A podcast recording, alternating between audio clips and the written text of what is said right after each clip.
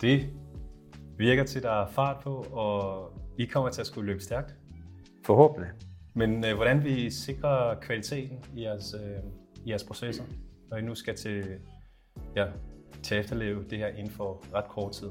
Jamen, der er en forfærdelig masse benspænd i det her. Altså alt fra, at hvem skal tage risikoen for det ene og det andet og det tredje, og hvem tør dimensionere med brugte byggematerialer.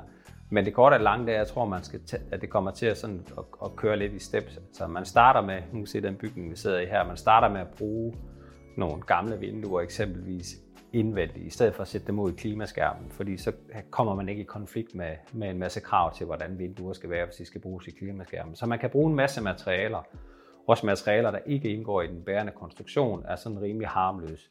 At bruge et brugt gulv frem for et nyt gulv er heller ikke nødvendigvis noget, der, der stiller de store krav til, til ingeniørberegning og andet. Så det bliver, sådan, det bliver sådan en løbende proces, hvor så altså ingeniører og rådgiver generelt også bliver dygtigere og dygtigere til at regne på det, og reglerne udvikler sig, og krav og lovgivning kommer til at udvikle sig parallelt med, at vi så skal bygge en forretning op i forhold til, hvad er det, der bliver efterspurgt, hvilke materialer skal vi fylde på lagerne, øh, og så videre, så videre, så videre. Så jeg er egentlig rimelig fortrøstningsfuld over for det.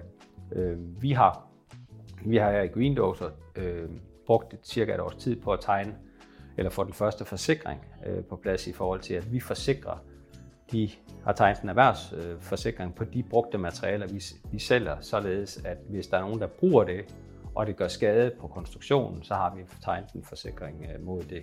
Og det, det er bare en ting af de, eller en af de benspænd, som er blevet fjernet set fra vores stol, og så er der en masse andre ting, som skal falde i hak.